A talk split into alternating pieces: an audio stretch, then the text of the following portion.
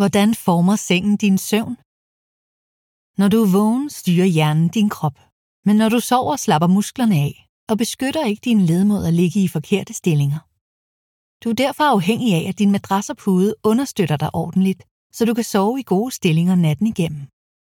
En god sovestilling er en komfortabel og anatomisk korrekt stilling, der holder ryggen neutral. Det vil sige, at din rygsøjle er i en lige linje. Linjen starter ved dit hoved og nakke og går hele vejen ned ad ryggen til dit bækken. Hvis du for eksempel ligger skævt med dine hofter eller skuldre, vrider du ryggen ud af den rette linje.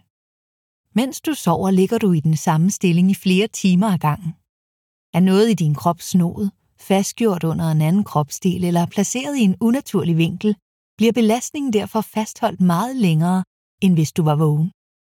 Derfor er konsekvenserne af forkerte sovestillinger også ofte mærkbare. Måske har du selv oplevet, hvordan en dårlig sovestilling kan være smertefuld. Det kan være en stikkende fornemmelse i en kropsdel, krampe i benet i løbet af natten eller smerter i nakken eller ryg. Ved at sætte fokus på god søvnergonomi, kan du fjerne risikoen for de smerter, der er forbundet med forkert sovestilling. Det er vigtigt, at din madras og pude former sig efter din krop og kropsform, og ikke omvendt.